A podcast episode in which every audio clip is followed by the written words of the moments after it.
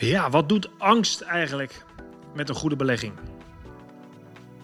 We gaan het er vandaag over hebben in deze aflevering van Je Geld of Je Leven. De podcast die ervoor zorgt, althans die, ervoor, die tot doel heeft om jouw geld en leven op een goede manier bij elkaar te brengen. Ik ben echt heilig overtuigd dat geld belangrijk is. Maar pas alleen als je het inzet voor een leuk en nuttig en waardevol leven voor jezelf en de mensen om je heen. Mijn naam is Michiel van Vught. En ik ben de gast hier uh, voor vandaag en eigenlijk altijd. Deze podcast is mede mogelijk gemaakt door NNK Vermogensbeheer. Kijk voor meer informatie op nnk.nl. En uh, als je informatie hebt of vragen over dit onderwerp, uh, stuur me vooral een berichtje via mijn website michielvanvugt.com. Vught met V-U-G-T. Oh ja, en uh, vind je dit nou aardig? waardeer deze podcast dan, liefst met 5 sterren. dan is hij beter vindbaar. En zo kunnen we samen nog meer mensen helpen om verstandige financiële keuzes te maken. Maar goed, vandaag gaan we dus hebben over angst als het gaat om beleggen. En tegenover angst staat tegelijkertijd ook hebzucht. Uh, maar daar komen we misschien ook over te spreken. Maar laten we eerst eens beginnen met een stukje angst. Want veel mensen ervaren dat. En misschien jij niet als je luistert. Misschien ben je al wat ervarener beleggen. Heb je wat meer dingen meegemaakt. Maar vaak vinden mensen beleggen uh, spannend. En dat snap ik heel goed. Want ja, als je gaat beleggen. En zeker als je meer in aandelen gaat met je, met je vermogen. Dan zul je onvermijdelijk een keer een daling voor je kiezen krijgen. Dat is nou eenmaal een vast gegeven, een garantie die ik je kan geven. Beleggen betekent schommelen in essentie. Um, uiteindelijk, als je maar lang genoeg kunt schommelen, hang je heus wel stil op een goed resultaat. Maar ja, je moet wel die schommeling aankunnen. Het is een beetje vergelijkbaar met de achtbaan. Als je niet over de kop gaat of durft, moet je niet in de Python of in de Baron in de Efteling.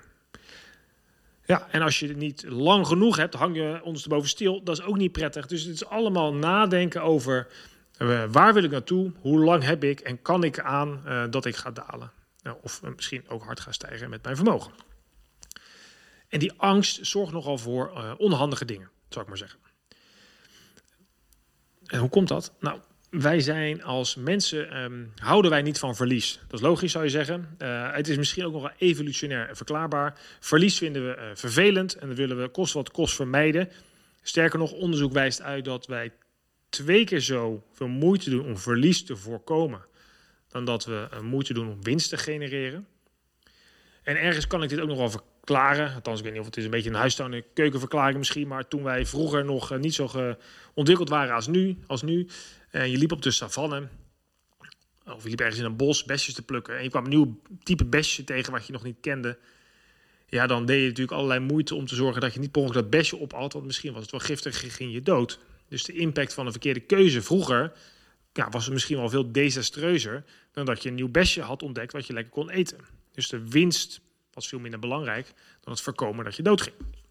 Nou, dat gedrag zit nog steeds heel erg in ons. En laat soms ons uh, beslissingen nemen die niet zo heel erg handig zijn. En dat zien we met name terug als het gaat om geldbeslissingen. Dus we vinden het verlies op onze aandelenportefeuille zeer vervelend. En dat leidt dan ook vaak tot uh, onhandige keuzes. Um, een voorbeeld daarvan, uh, of iemand die daar al lang zicht op heeft, is uh, een van de rijkste mensen op aarde, een grote filantroop ook, ja, Warren Buffett. Vast wel eens van gehoord, een uh, Amerikaanse belegger. Maar die heeft al jarenlang het credo, die zegt op het moment dat mensen angstig worden, word ik hebberig. En andersom, als mensen hebberig worden, word ik angstig. Maar waarom zegt hij nou dat eerste? Als mensen angstig worden, word ik hebberig. Want als mensen in een grote algemene zin angstig worden, en dat komt vaak door berichten op het NOS-journaal of RTL Nieuws, berichten in de Telegraaf, Volkskrant, AD over dalende koersen, dan zie je dat mensen dat er vaak wat meer verkopers zijn dan kopers. En wat dat betekent dat? Dan gaat de beurs omlaag. En Warren Buffett ziet dat als een uitgelezen moment om aan te kopen voor de langere termijn belegger die hij is. Maar hij profiteert dus van de angst die veel beleggers ervaren en die daar ook op handelen. En um, eigenlijk kort gezegd is emotie als het gaat om je beleggingsresultaten een hele gevaarlijke. We zijn allemaal emotioneel. Zoals je eerder hebt horen vertellen, leidt emotie ook tot stress. Um, zeker als het een uh, negatieve emotie is. Stress zorgt weer voor een dalend IQ. Uh, wel met zo'n grote daling dat je bijna richting zwak begaafdheid gaat als je vanuit een gemiddeld niveau denkt. En op basis van dat IQ ga je dan keuzes maken. En dan kun je zomaar nagaan dat dat uiteindelijk leidt tot verkeerde keuzes. En angst voor verlies is een hele grote ja, katalysator van teleurstellende beleggingsresultaten. Dus wat moeten we nou voorkomen? Nou, voorkomen dat we angst gaan krijgen. Hoe doen we dat? Nou, heel simpel. Stop met kijken van nieuws.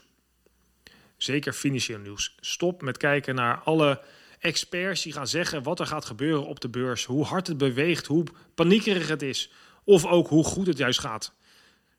Kijk ook niet naar de prachtige berichten van we hebben fantastische resultaten, het komt altijd goed, want daar zit de hebzucht, dat is een hele dichte tegenhanger, de andere kant van angst.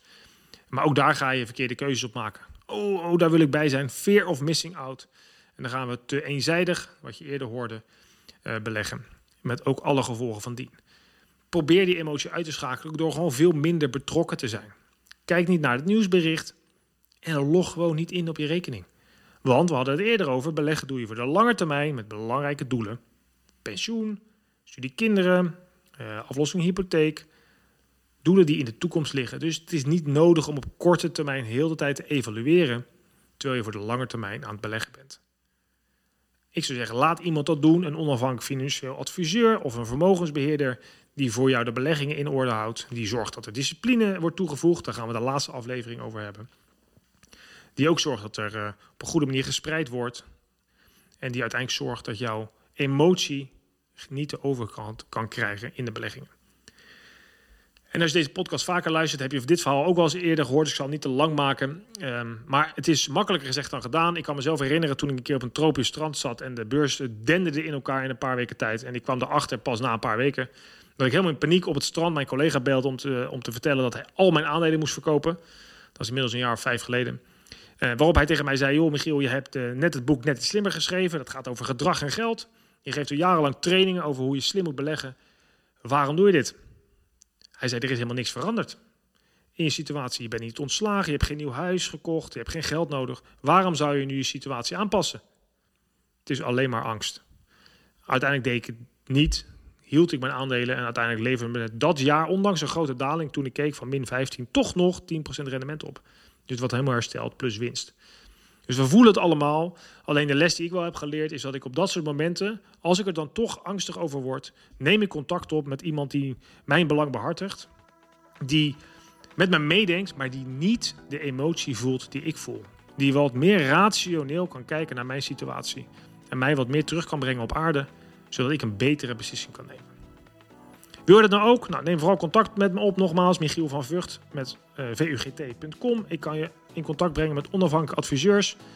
Uh, dat kan ook via nnk.nl. Uh, NNK Vermogensbeheer werkt ook altijd via onafhankelijke adviseurs, um, zodat jij het beste advies kan krijgen voor jouw eigen situatie.